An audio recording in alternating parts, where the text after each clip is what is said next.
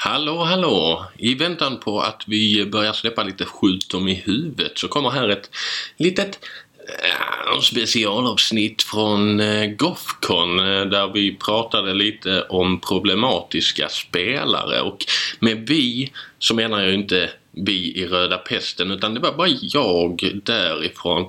Där är dock ett par andra individer som har lite bättre koll på det här än vad jag har va. Äh, så ehm, ja, tycker ni det är intressant att lyssna på folk som babblar om sånt så är detta ett perfekt avsnitt för er att avnjuta. Oj, är det, jaha, oj, här kommer en introjingel som Mikael Eriksson från Äventyrarnas rollspelspodd eh, gjorde till eh, Gothcon avsnitt och dylikt. Eh, jag får sluta babbla och så får ni lyssna på den.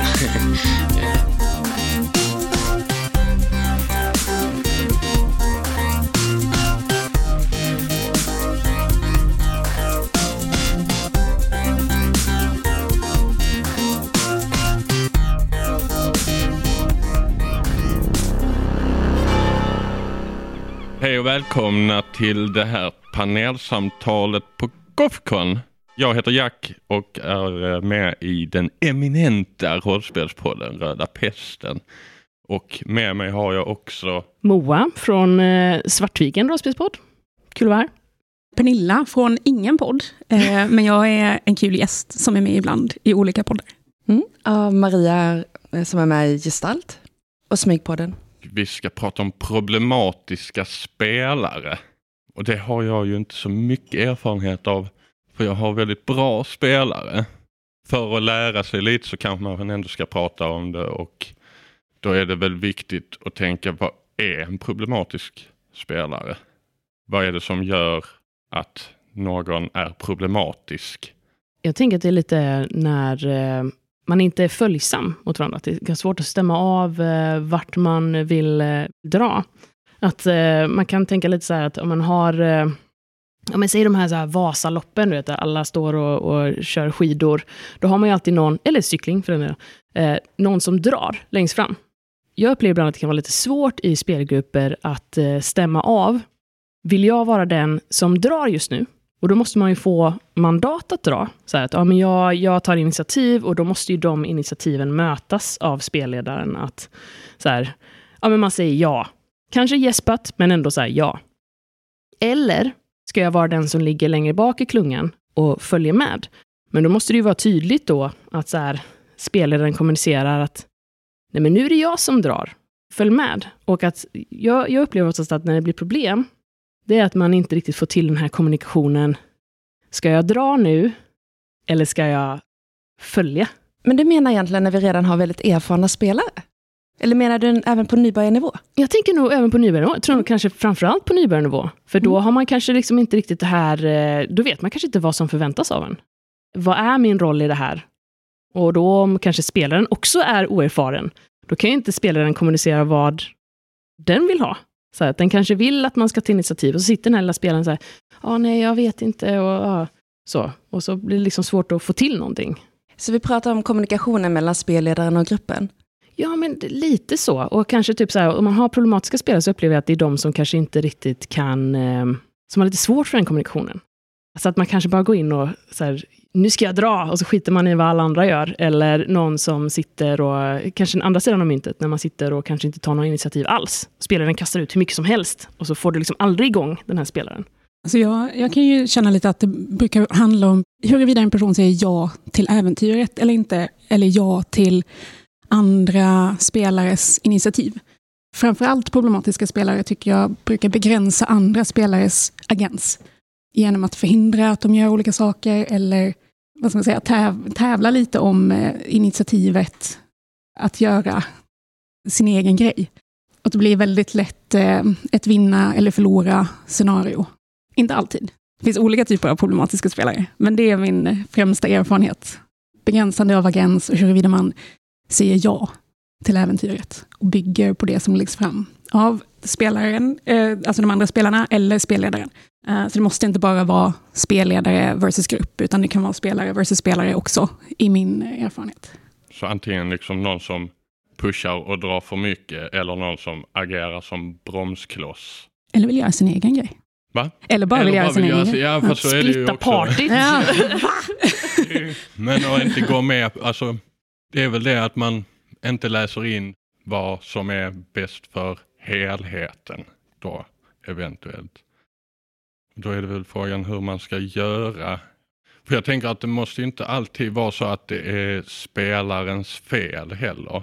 Utan det kan ju vara så att det har bara blivit så. Jag tänker då det viktigaste kanske inte är hur man hanterar, man kanske kan försöka förebygga det men jag vet inte hur det skulle gå till. För, för det man kan göra är väl att prata ihop sig innan vad vi har för vision av det vi gör ihop. Mm. Som du säger, att vi har ett äventyr som vi vill komma framåt och det här är någonting vi måste jobba ihop med. Och så finns det en del, en del rollspel och en del sådana, att man är överens om att vi vill hugga varandra i ryggen, hitta på sociala intriger. Och det är också väldigt kul att man kanske vill ha det. Precis, alltså för mig börjar hanteringen av problematiska spelare långt innan jag ens har satt ihop en grupp. Alltså, eh, jag bestämmer mig för vilken typ av äventyr det är jag vill spela som spelledare. Eh, vilken typ av upplevelse är det jag är ute efter? Eh, och sen så kanske jag försöker hitta spelare som jag tror är intresserade av den typen av spel. Och gärna att man har en eller kanske till och med två session zero innan man ens börjar och pratar om expectations, pratar om vad man har för förväntningar och sådär, så att man liksom kan hantera eventuella eh, meningsskiljaktigheter innan, eller förutse att de kanske kommer uppstå och ha en plan för hur man vill hantera dem. Verkligen. Det, det, ja, allting blir mycket lättare när man... Eh, alltså, men det är också så här, så man bara, ah, prata om det. men, men det är ju verkligen så.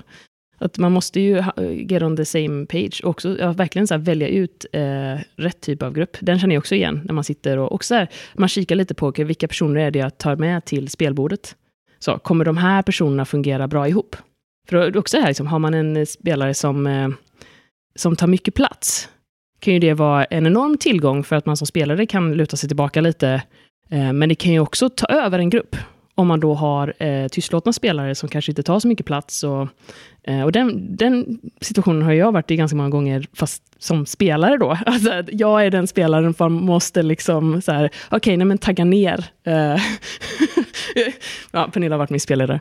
Eh, liksom så. Och, och det här, hur, hur hanterar man den kaosenergin? Ja, då kanske man behöver ha lite spelare med i den gruppen då som kan utmana den här spelaren. Eller typ bara ha något snack om att nej men, jag har inte energin att ta dig i den här riktningen. Jag har inte energin att improvisera så här mycket, så du måste så här rain it in. För det kan jag känna ibland också, så här, att man har ju inte alltid lika mycket energi som spelledare.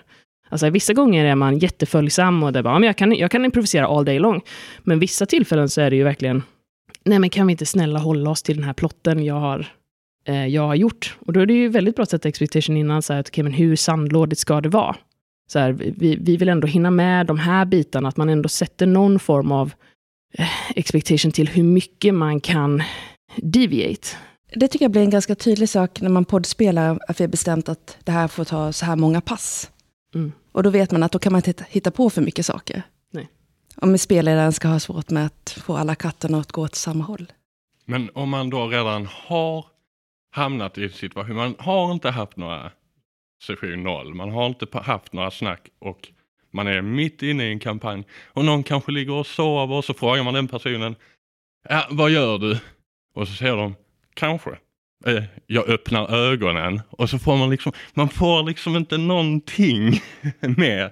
Vad, vad gör man i den situationen när man redan har liksom kommit in i det?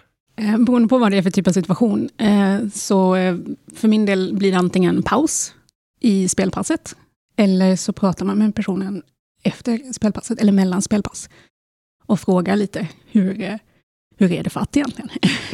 Vill du spela? Vad har du för förväntningar? Och så här, man checkar in liksom. Eh, sällan att jag, i alla fall personligen, att jag gör någon typ av call-out eh, publikt bland folk utifrån. Såvida det inte är straight up ett bråk mellan spelare, då kanske det händer att man sätter ner foten. Men då blir det också paus. Har inte hänt så många gånger kan jag ju säga. Men, eh, Men paus lät ju som en väldigt bra idé. mm, Jag behöver en paus. nu tar vi en bensträckare. Mm. Chilla lite. Kanske underanvänt. Ja. Jag tror man känner ganska stor press eh, som spelare att det alltid ska flytta på, man ska improvisera, och inte bara utifrån så här äventyrsparametrar, utan även där gruppdynamiksgrejer, att, så här, att du, du ska lösa det eh, så. Men det måste man ju faktiskt verkligen inte. Nej, men det tror jag är jättebra att komma ihåg. Eh, särskilt om känslorna liksom blir väldigt... Även som spelledare själv. Eh, men eh, om man märker av att det är mycket känslor i gruppen. Eh, man märker av att det kanske skär sig mellan olika spelare. Eh, så var inte rädd för att ta en paus skulle jag säga. Eh, och också eh, om det är en, en konfrontation eller någon typ av bråk eller någonting som har uppstått så är det också ganska bra tror jag att komma ihåg att eh, det är oftast inte en jättebra idé att ta de djupare samtalen där och då, utan det är bättre att kanske bryta och låta folk eh, fundera och eh, eh, lugna sig lite innan man börjar reda i själva konflikten. Jag tror också det är jättebra. Jag kommer att tänka på ett tillfälle när jag, när jag spelade, eh, där eh, vi, vi spelade liksom fantasy, jag tror vi spelade Trudvang.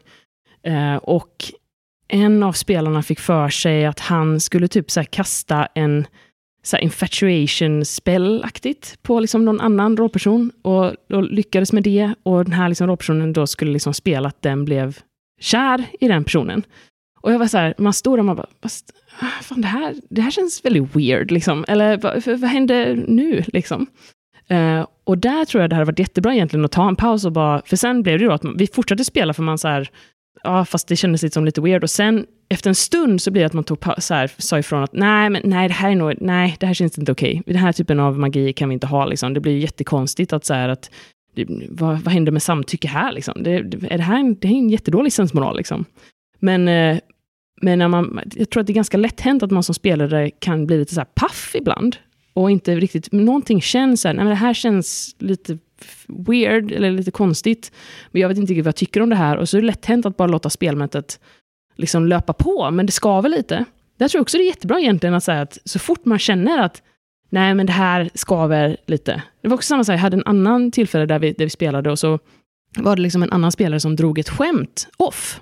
Liksom inte så, fast om karaktärerna då. Som också kände så här, nej, nej, det, det där, eh, nej, vad tycker vi om det här egentligen? Det där kändes inte riktigt okej för mig. Eh, men också så, så himla svårt att faktiskt ta den här pausen och att eh, kunna landa i det och sen då formulera sina tankar att nej, men jag, jag tycker det här känns som att det, det går över mina gränser lite, att vi, vi har den här typen av jargong eller att vi har den här typen av magi i världen eller vi, hur ska vi förhålla oss till varandra? Så då tror jag, så här, jag, hade, jag hade behövt ha en paus där. Att faktiskt kunna landa i att nej men jag, det här tycker jag Mm. inte känns bra. Jag, jag känner igen mig lite i det här med att när man spelleder och märker att det går inte riktigt som man tänkt. Låt oss säga då att det inte går som jag tänker att det ska gå och jag märker att en spelare inte riktigt taggar till. Då blir det kanske att jag skapar ett problem själv som spelledare genom att försöka kasta mer och mer när man istället kanske då ska bara släppa det lite. Alltså jag tänker att det beror på eh, om du som spelare kan läsa av varför den här spelaren inte eh, tar initiativ eller liksom kör på. Eh, kan ju vara att hen bara har en dålig dag. Mm. Men jag vet inte. Men ibland kan det vara att den personen tänker någonting. Det passar inte med den, det är någonting som skaver. Och det är ju svårt kanske att säga. Och då blir man tyst och passiv. Någonting som jag eh, har börjat göra är också att, eh, ehm, för för jag tänker ganska mycket på det du sa Moa, om att eh, ibland känner man en press att det ska flyta på eh, som spelare. Eh, så någonting som jag brukar göra nu när jag preppar mina äventyr är att lägga in pauser som jag har designat själv. Eh, oavsett om jag tror att det kommer hända någonting eller inte. Ofta så tänker man ju inte att det kommer göra det. Eh, men jag, jag vet med mig att jag brukar behöva paus lite här och var ändå. Så att man har liksom planerat in det eh, lite mer för sig själv i förväg. Eh, att det kommer bli pauser. Och ibland så känner man ju kanske att man behövde faktiskt inte den här pausen. Då kan man ju hoppa över den. Men eh, så att man skriver in det så att det kanske inte känns som så abrupt att det blir paus mitt i. Det var jättesmart. Vi ska också börja. Så pauser, det är hela grejen då alltså. The silver bullet. och, och, och, precis, och, prata, i- och prata innan. Ja just det, Mm. det också. Det är bra. Pauser, prata, det är två P. PP. Mm. Men eh, då kanske man ska prata efteråt också. Mm. Det tror jag också man väldigt lätt glömmer bort. Och speciellt också om man så här stressar på en vardag och, du vet, så här, och sen är man trött och så ska man hem. Så man liksom aldrig riktigt får den här eh, eh, lite så här de, debrief. Liksom. Vad, vad tyckte vi? Hur gick det idag? Liksom? Eh, eller så här, snacka av sig. Eh, jag tänker att många av de här grejerna, så, jag tror att det är lätt hänt att tänka att det måste vara så jäkla uppstyrt och det måste vara så himla formellt. Och det är också så här, extremt mycket fokus på eh, så här, trygghetsmekanismer oftast när man pratar om sådana här grejer. Att, så här, att, ja, men det, men export och sådana grejer, att, så här, det är man ska känna sig trygg i spelbordet, vilket är jätteviktigt. Men jag tror också mycket av det här handlar liksom om att man ska vara samstämda kring vad det är man vill göra. Vad är vi här för att göra? Vad tycker vi är kul? Vad är vårt sätt att ha kul på? Och skriver vi alla under på det? Mm. Och då kan man ju fånga innan då, om det är någon som så här, ja, kanske inte riktigt läser in eh, samma som en själv. Då. Ibland blir det så här intensiva saker i rollspel. Och jag tror att när man frågar direkt efter så kommer folk säga ja men det var okej. Men man kan, kan fråga igen nästa gång man spelar för att då har man hunnit fundera lite grann på, vill jag utsätta mig för det där igen?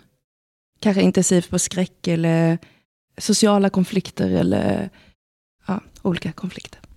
En sak som jag har tänkt på som så här en, en eh, svår spelare, eller vad man ska säga, eh, det är ju det här så vilken nivå man lägger sig på med humor. Jag vet inte om ni har tänkt det någon gång? Alltså att ibland kan man ha liksom att Ja, men säg typ så att två tredjedelar av gruppen är, du vet, man vill att det ska vara så himla episkt, man har en spelledare som har preppat jättemycket, Man lägger fram en så här vet, episk scen, och så har man någon som, eh, någon spelare som kommer och bara så här, hehe, och typ, jag, jag, alltså det, att man, att man eh, gör typ en kul grej av det. När någon liksom har verkligen, nu har jag satt upp det här. Eh, den kan ju vara jättesvår. Liksom. För samtidigt så här, ja det är ju så här, alltså den här personen har ju kul. Eh, det är ju det jag vill. Men samtidigt så att jag vill ju kanske ändå att mitt arbete typ tas på allvar. Eller så här, nu har jag satt en ton och du kör på någon helt annan ton. Så att alla är på samma sida helt enkelt. Ja, Det blir ju också fel ifall man har, ja om du har en setting och sen helt plötsligt så kommer det in en ninja. ja. Nej, dåligt exempel. Men ja, Alltså med, med humor så är det ju ofta nice tycker jag, för då kan man hålla stämningen ändå ganska eh, lättsam och säga, nej men eh, nej, det kommer faktiskt inte in en ninja. Eh, inte den här gången. Eh, men, eh, och så, så ger man ordet tillbaka till eh, personen som hade det, the epic moment. Eh, men det, det är ju, det är ju vad ska man säga, awkward eh, att hantera den typen av situation.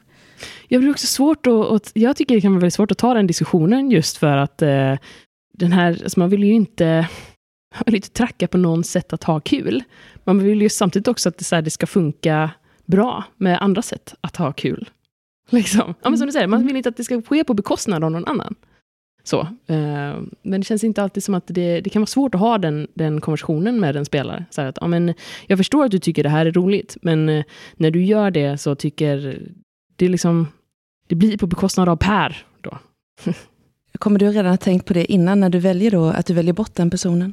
Ja, alltså jag tror det. Att man, det blir så att man sätter ihop liksom kompatibla grupper. Eh, men det, är också, det fin- har ju också en sårbarhet i sig. För att så här, det skulle kunna vara så här, Per, om jag bara ger Per chansen, så är, herregud, Per kan vara jätteepisk och jätteseriös och det blir skitbra. Och sen så sparar han humorn till när vi spelar eh, fiasko. Så då skulle man behöva ett väldigt rakt och tydligt eh, samtal. Att vill, jag skulle vilja utmana dig. Och det här är, du är väldigt ofta humoristisk, men det kan förstöra stämningen något när vi försöker vara skräckslagna eller pampiga.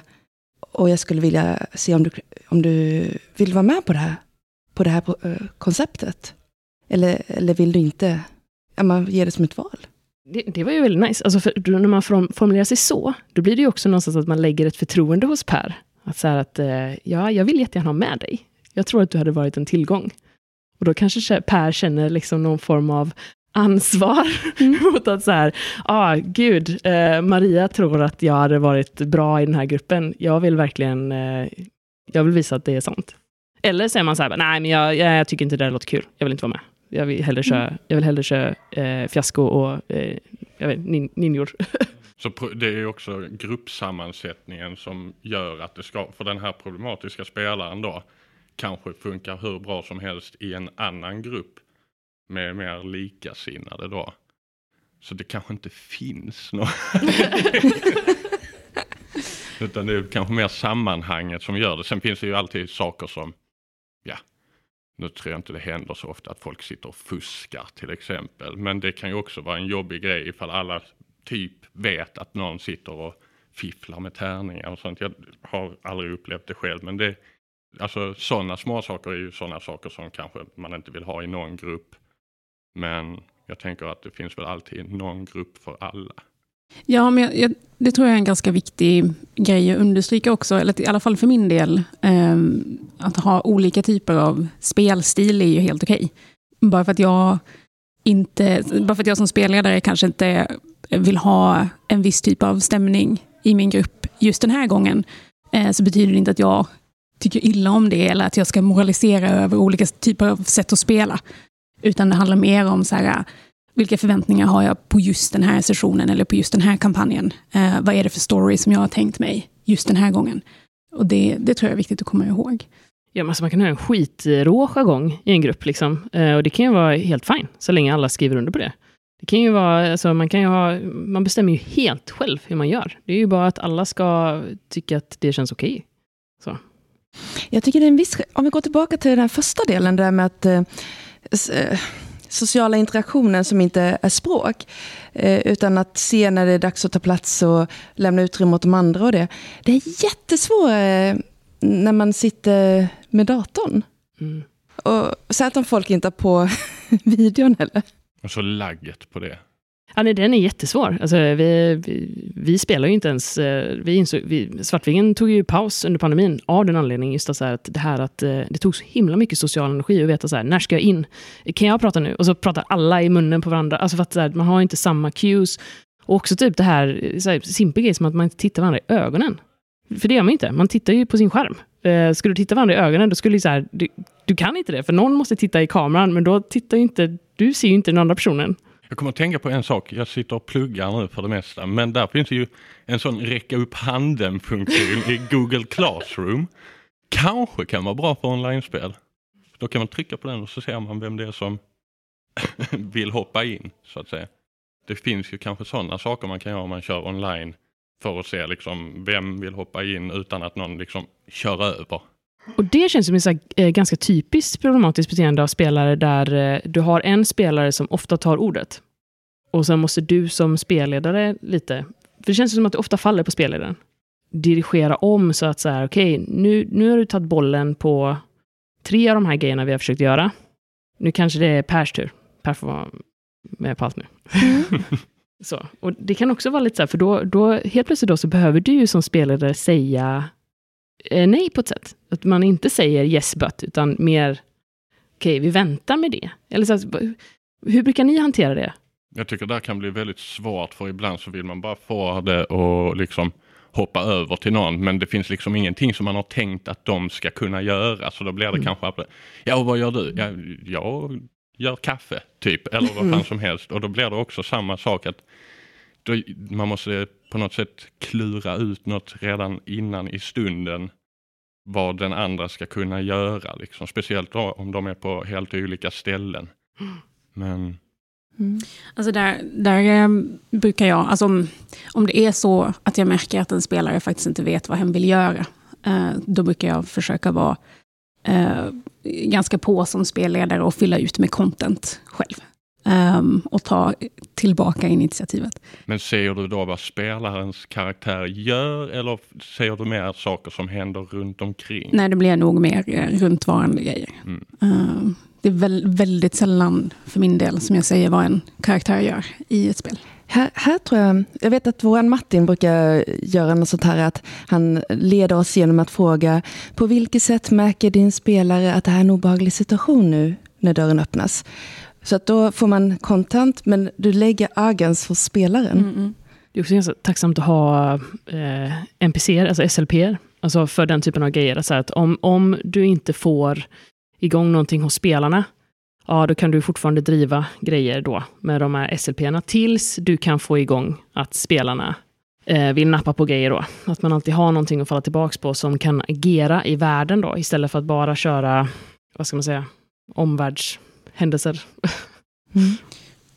Jag har en, en fråga till er, faktiskt. Eh, är det någon av er som har behövt hantera eh, en spelare som har varit så svår att eh, hen måste lämna gruppen? Ja. Men, alltså, men då har det typ hänt att man har lagt ner gruppen. Ja. Men det har hänt eh, alltså, typ åtminstone två gånger. Och, och det, alltså, man, man önskar att man hade liksom varit så duktig att man hade kunnat hantera det. Och liksom, men, men oftast har det typ landat i det här att eh, nej, men den här gruppen är inkompatibel. Alltså att jag kan liksom inte, jag kan inte coacha den här spelaren till att eh, spela på ett sätt som fungerar med de här eh, andra. Så tyvärr har det liksom blivit att, nej okej, okay, men då, då kan vi inte spela med den här gruppen, för att det, vi har liksom inte kul när vi spelar. Eller så här, en eller två har kul, men inte de andra. Och då, then it doesn't work. Så att så här, två gånger för mig, men slutar inte på ett bra sätt. jag har varit med om det några gånger. Vi har försökt prata om det, men det, det leder ofta... Ofta är det ju när det är en clash mellan två spelare, eller huvudsakligen mellan två spelare. Och ofta blir det någon form av splittring. Även om man pratar om det så är det svårt att lösa. Men man kan ju prova andra settings, andra typer av rollspel och se om man kan eh, spela under andra förutsättningar. Mm.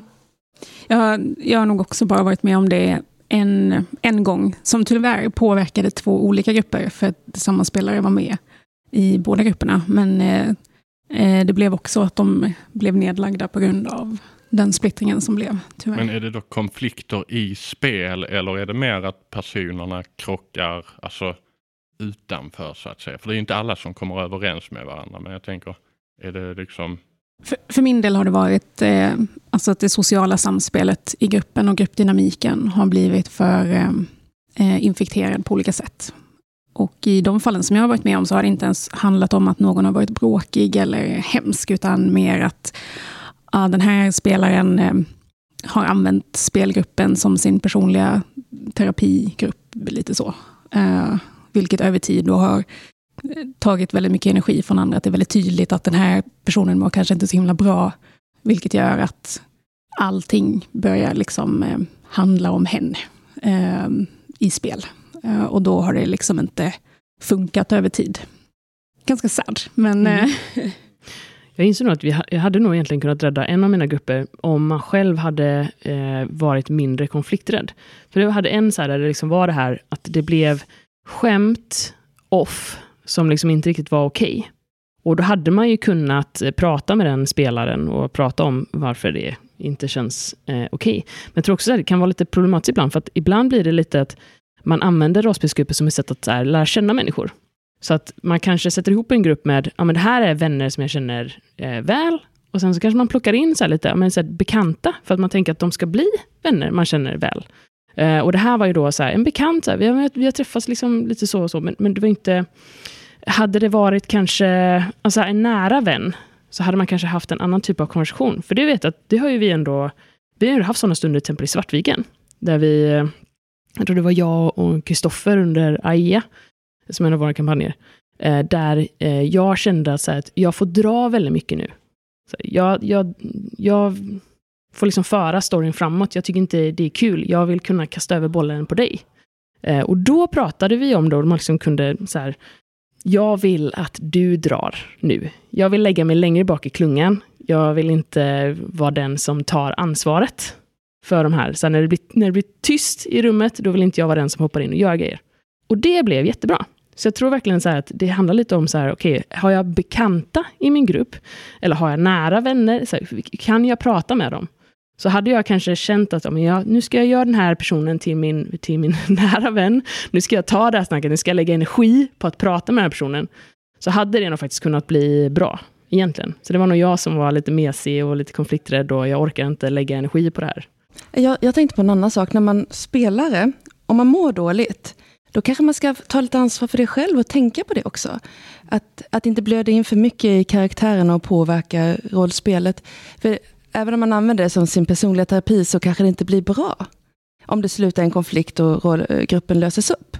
jag, jag vet att jag hade en period när jag var ganska sjuk. Och då, då förberedde jag min spelledare på att just nu tål inte jag så jättemycket eh, skräck och död. eh, och då hade vi en helt tydlig diskussion om. Och eh, det blev väldigt bra, för att ibland kan han pressa på lite grann då. Men eh, då visste han att nu är det ett halvår vi inte ska göra det. Jag tyckte att jag fick jättebra respons på det. Det är ju ett jättebra sätt att, att ta ansvar för sitt eget mående också, att man får möjlighet att faktiskt må bra genom att prata med folk. Det är ju super.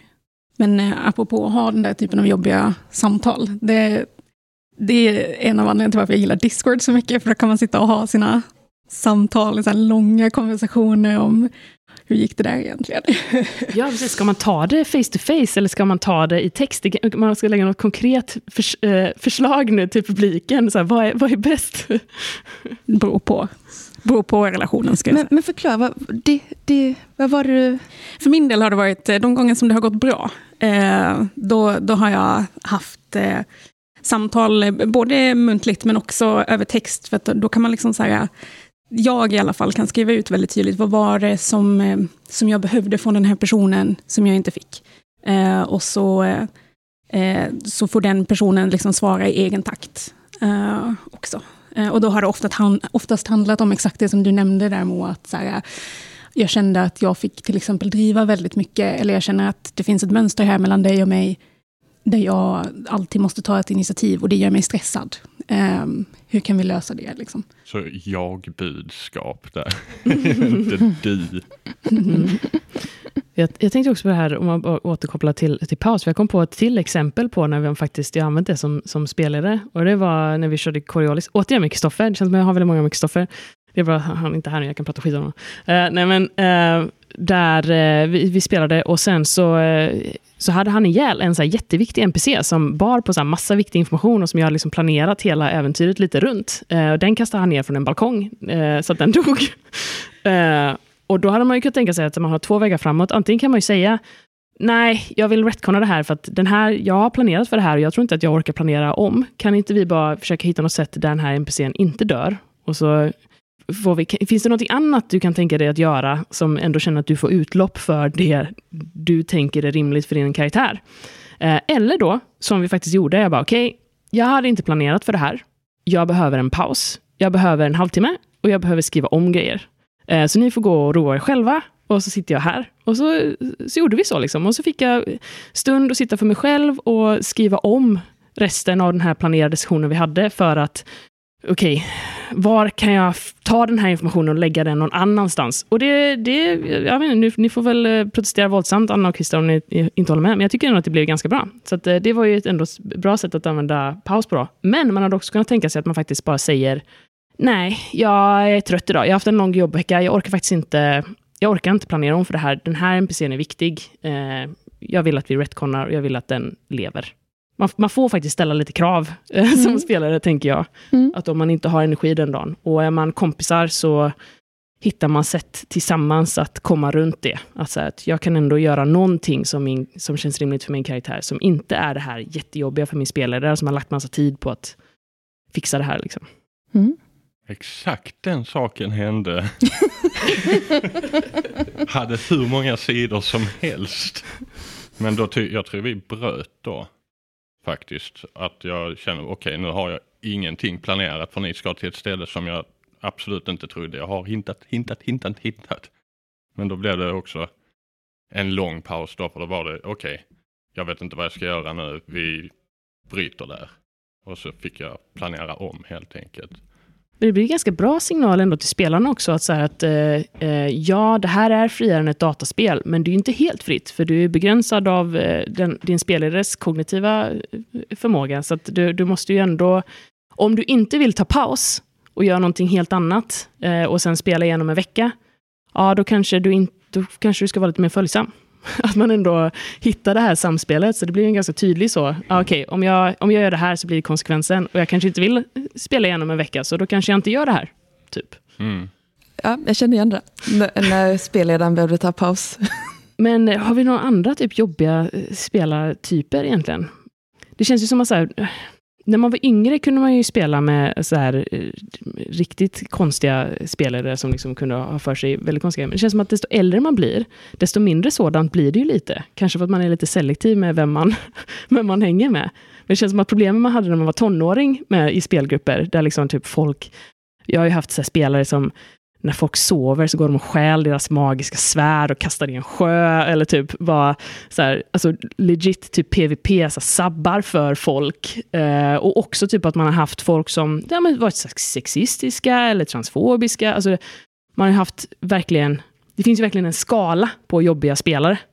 Där det känns som att man, desto äldre man blir, så förflyttar man sig till att så här, de här problemen man har med spelare nu, det är ju mest så här, kommunikationsproblem, att, så här, att man respekterar varandras tid och att uh, man måste get on the same page. Um, men man har ju inte, i alla fall inte jag, man har ju inte de här riktigt jobbiga spelarna som verkligen bara är odrägliga mot varandra. Men spela inte med dem längre. Nej, man gör inte det. Men någonting jag kan tycka man råkar ut för är att hamna i fel grupp ibland med eh, mer tekniska spelare eller mera ro, te, ja, rollspelen. Ja. Mm. Eh, och det, då kan det bli en frustration. Så att mycket handlar om ju vilken grupp är det man befinner sig i. Ja, alltså, personligen har jag blivit extremt kräsen ju äldre jag blivit. Eh, sätter fler och fler liksom... Alltså för, för, att jag känner mig själv bättre också, eh, ju äldre jag blir. Och vet hur mycket energi jag orkar spendera på olika typer av interaktioner. Och eh, igen, inget ont om olika typer av spelstil, utan mer att så här, det här är jag och min preferens. Eh, det här är det som jag vill lägga tid och fokus på. Jag har ett jobb eh, som jag går till och får betalt för. Eh, så ehm, att förvänta sig att jag ska göra väldigt mycket av någonting i min hobby som jag kanske inte har, har lust med. Det, det känner jag är så här, nej, det orkar jag inte spendera tid på.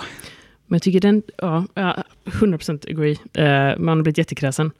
Och, men jag tänker också det här med eh, när man är lite mer teknisk och så, alltså, eh, det har vi också haft. Alltså här, eh, återigen när vi spelar Coriolis, eh, där, och jag kommer ihåg första gången vi spelade och Christer bara, men alltså, eh, borde det här verkligen fungera? Jag tänker så här rent gravitationsmässigt, borde inte det liksom, eh, så här, för, för Christer gillar liksom hard sci-fi.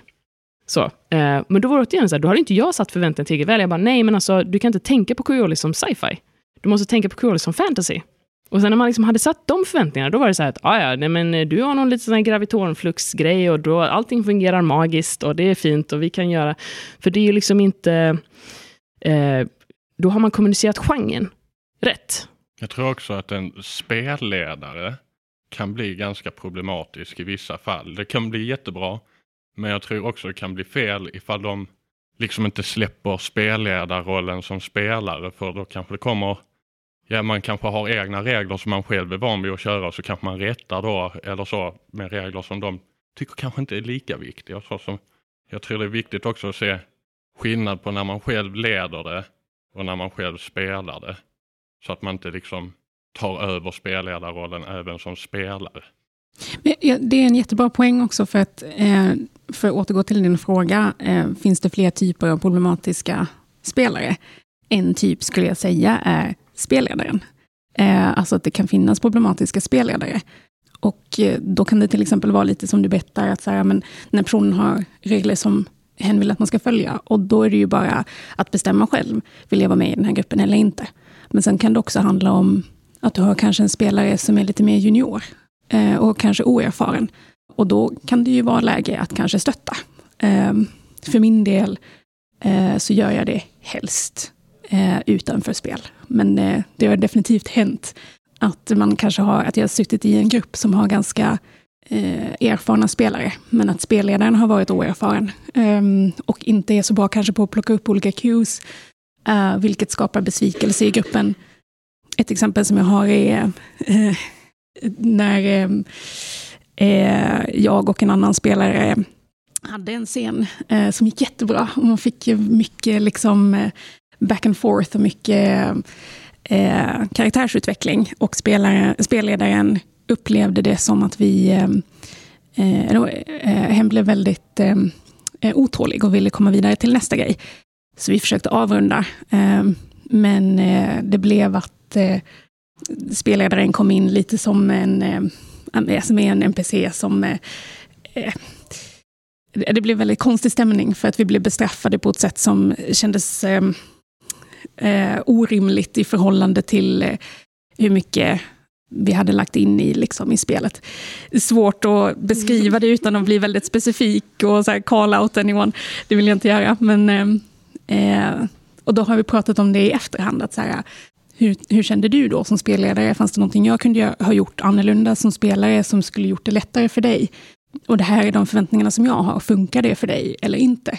Det är man lite inne på, för det kan jag känna att jag själv, typ som, inte, jag vet inte om man ska kalla det för metas, men, men när man hör någon som man, man kanske inte är där som spelare, men man hör dem och så kommer man på någon riktigt smart grej och det kliar. Man vill bara säga, gör så. Liksom, så de, kanske man, jag tror att man ska låta bli att göra så, för då låter man inte dem komma på sin smarta grej. Liksom. Men jag tror det kan vara, för mig är det svårt ibland.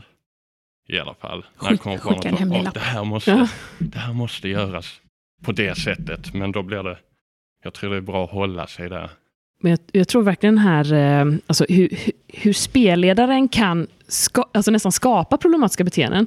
För det är också ett exempel på när vi spelade för en massa år sedan. Jag kom in ny i en grupp, jag kände inte de andra så himla väl. Och så fick jag liksom höra från alla de andra att så här, det fanns en spelare i gruppen och han var så wild and crazy och det slutade typ alltid med att han brann, brann ner någonting och bara så här, han gick bara bananas och det, det var liksom, han var en här kaosspelare. Jag bara oj, oj, oj Eh, det lät, eh, ja, det, så kan det kanske vara. Uh, och sen så kom man in och började spela med dem. Och sen så insåg man att enda anledningen till att den här spelaren var en kaosspelare, det var för att spelaren sa nej till allt. Han sa nej, alltså, han sa nej till allt. Uh, och så efter ett tag, då, efter ja, de flesta spelmötena, så fick ju den här spelaren nog. Och bara så här, ah, okej, okay, ja, men då bränner jag ner skiten. Så här. Men då hade det liksom skapats någon form av så här legend kring den här spelaren. Alltså, det här var en pro problematisk spelare. Att, så här, att han, han, brann, han brände allt. Typ, så här. Han, var, han förstörde grejer. Han blew shit up. Uh, och sen när man börjar spela med den så inser man att ah, yeah, but han gör ju bara det för att du låter honom inte göra någonting annat. så. Det har jag också råkat göra någon gång. Att jag känner att nu har jag inte fått göra någonting på ett tag. Så nu måste jag göra någonting som bara skapar lite action typ. Och så gör man något jättedumt bara för sakens skull. Mm. Kan vara att man har suttit och varit lite rastlös eller så.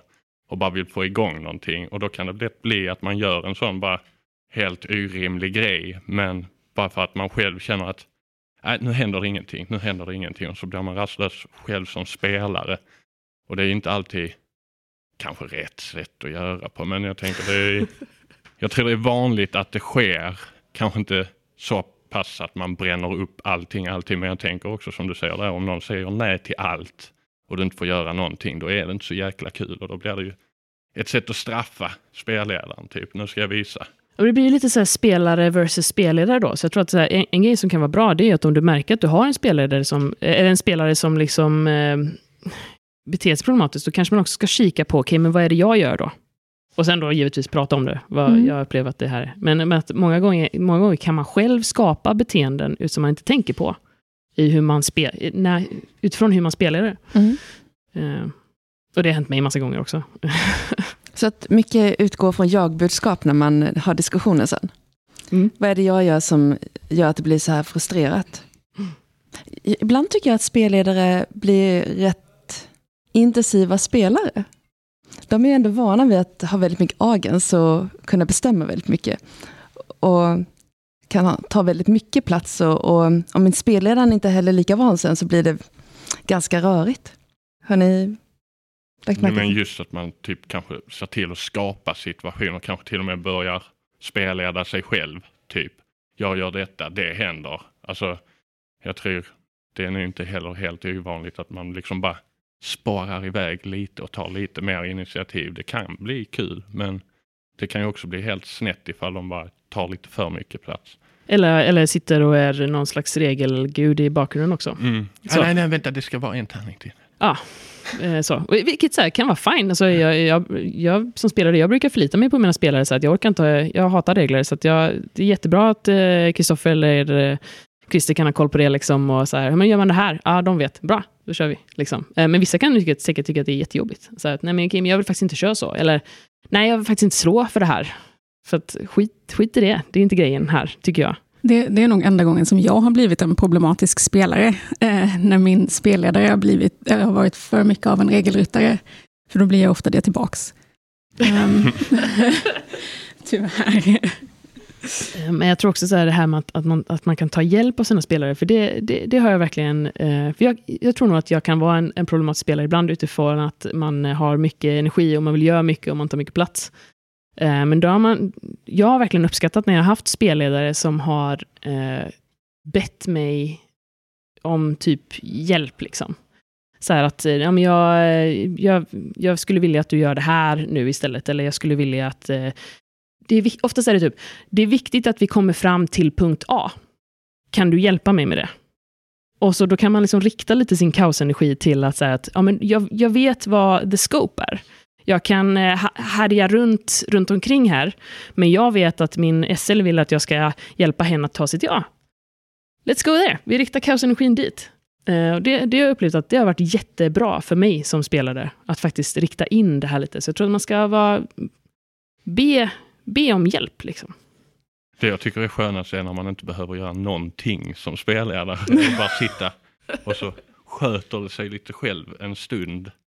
Så att man bara kan ta lite paus, tänka och sen så det är ganska skönt ibland när spelare faktiskt tar egna initiativ och bara kör lite utan att det ska vara regelfrågor eller utan att det ska slåss. Alltså utan att det ska bli för mycket jobb för mig. Det kanske är för att jag är lat, men det, då kan man få lite tid och bara inte tänka. Mm. Det förtjänar du som spelledare, yeah. tycker jag. Yeah. ja, vi är nästan... Eh, har vi några avslutande ord? Typ? Jag vet inte, är det någon problematisk spelare här som har något att tillägga? Ja, vi... brukar, ni, brukar folk få ställa frågor, eller? Ja, det kanske vi vill ha. Frågor kanske, eller? Om vi får, ska, vi ta en, ska vi ta några minuter för frågor kanske? Om det finns några? Ja, det finns det. Jag har räckt upp först här borta. Jag tänker, eh, som förälder ska man inte ha några favoriter bland sina barn. Mm. Hur hanterar man som SL om man märker att man gillar en karaktär mer och kanske tenderar att ge den mer spelutrymme? Man ska inte ha favoriter bland sina barn, men du vill ändå ha en favoritkaraktär bland dem. Eller? Undviker man att hamna i den situationen? Oh. Om man hamnar i den? Alltså jag tror inte att det är fel att ha en favoritkaraktär. Jag tror det kanske blir att man måste se till att ändå, för det gäller ju alltid i alla fall att spendera, alltså att alla får plats vid bordet. Du kan ju ha en favorit men du ska inte ge den hjälterollen. Liksom. Det ska inte vara en huvudperson och sen side characters. Jag tror att man får typ mekanisera det lite. Jag, jag, mm. kan bara upprepa frågan lite kort för, eh, så vi får in ja. det i podd. Men det var... Ja, jag du ska... försökte upprepa men det blev nu snedvänt. Ja, ja, ja men, eh, om du, att man inte ska ha favoriter bland... Eh, hur gör man för att inte ha favoriter bland eh, i sina spelarkaraktärer? Jag tror att man kanske måste mekanisera det lite, att man verkligen så här, försöker ha någon form av turordning, så att man har lite koll på själv när, var, var man delar ut ordet. Eh, och kanske då försöka ha så här, kanske inte logga, men ändå ha lite koll på hur, hur, eh, hur ofta pratar de, men också då när man sitter och skriver äventyr, att man faktiskt eh, just i den delen ser till att preppa, för där är det ju ganska lätt att se hur mycket ger jag till vardera spelare, så att du nästan tvingar in dig själv innan i det. För jag tror att det är väldigt svårt att eh, fixa det när man improviserar, för då man är aldrig sitt bästa jag när man improviserar, känner jag. Eller jag behöver oftast ha så stöd innan. Så att eh, stöd när man planerar äventyret och kanske också så någon liten stöd när du fördelar ut ord om det skulle bli tyst. Liksom. Skulle vara mitt svar. Jag tänker för något tillfälle det märks av lite grann ifall man tycker att någon är extra bra på att argumentera eller något sånt där, är att man tänker på hur ens NPC interagerar, så att det inte alltid blir till fördel för den man tycker är så bra. För, för det märks ju för de andra spelarna att han, han får alltid igenom sitt, eller hon. Eh, att man får... Är det den här typen av karaktär som alltid får igenom, eller är det den personen?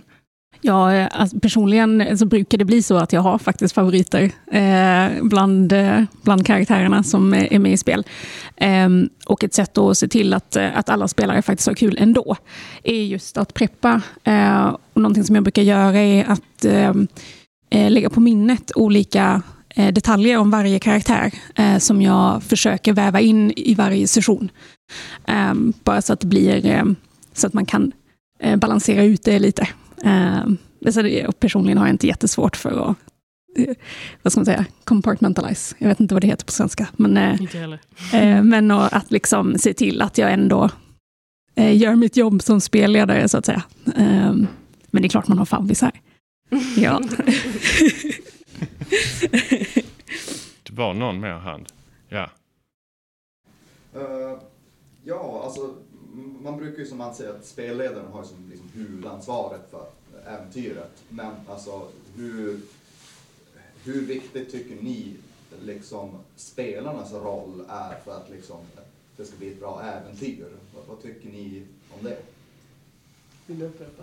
Ja, hur man ska få, hur mycket, hur stor roll har spelarna i äventyret? Hur bra det ska bli och så och hur stor roll har spelledaren? Men uh, ja.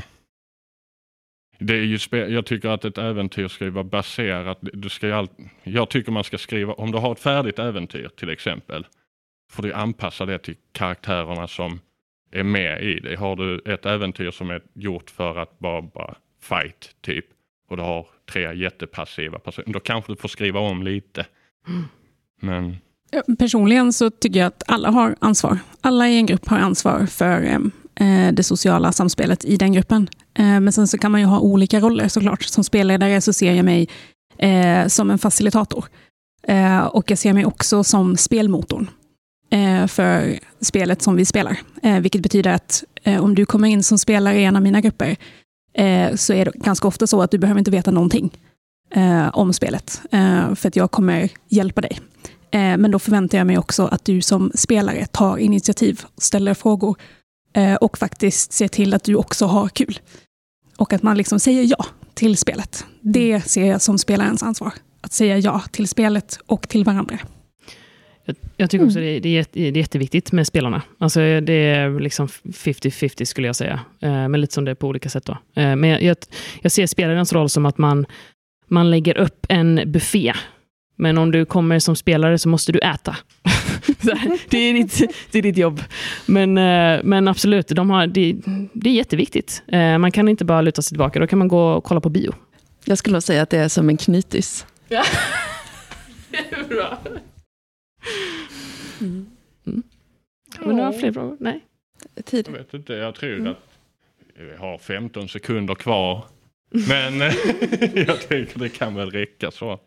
Jag vet inte om vi kom fram till, vad kom vi fram till? Kommunicera. Ko ja, kommunicera. Och ja, ta det är paus. Det Du hade minst två pen, men Ja, prata och pausa. Det var det. Bra. Viktigt. Pipi.